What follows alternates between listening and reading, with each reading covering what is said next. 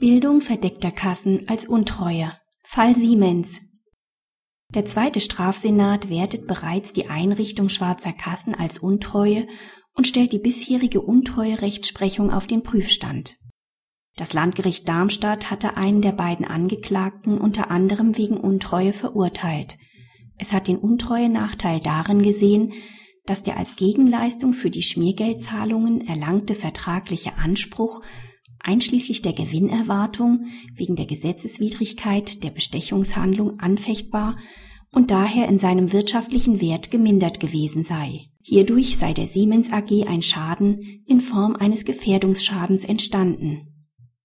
Der BGH stimmt der vorgenommenen rechtlichen Würdigung im Ergebnis zu, hält indes die Begründung nicht für tragfähig. Zunächst weist der BGH darauf hin, dass hier wegen Unterlassen zu verurteilen war. Er stellt dabei hinsichtlich der Pflichtverletzung darauf ab, dass es der Angeklagte unterließ, die von ihm vorgefundenen, auf verdeckten Konten verborgenen Geldmittel seiner Arbeitgeberin zu offenbaren und ordnungsgemäß zu verbuchen.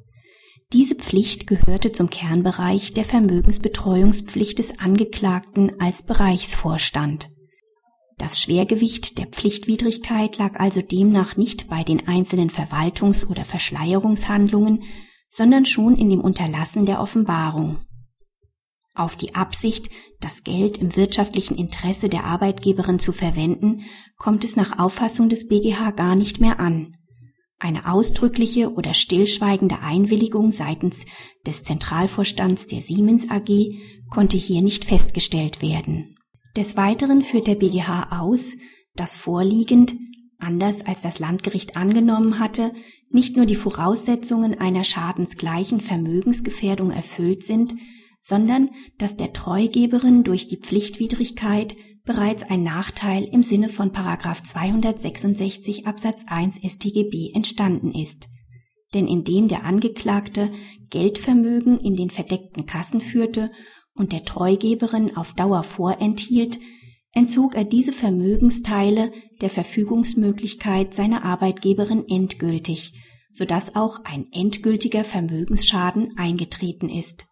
Dieser Entziehung des Vermögenswerts steht auch keine schadensverhindernde unmittelbare Kompensation gegenüber, da der schadensersatzrechtliche Ausgleichsanspruch gegen den Täter nach ständiger Rechtsprechung keinen der Schadensentstehung entgegenstehenden Vorteil darstellt. Praxishinweis der zweite Strafsenat hat mit dieser Entscheidung seine Einstufung von schwarzen Kassen als Gefährdungsschaden aufgegeben und einen neuen Korruptionsvorfeldtatbestand geschaffen.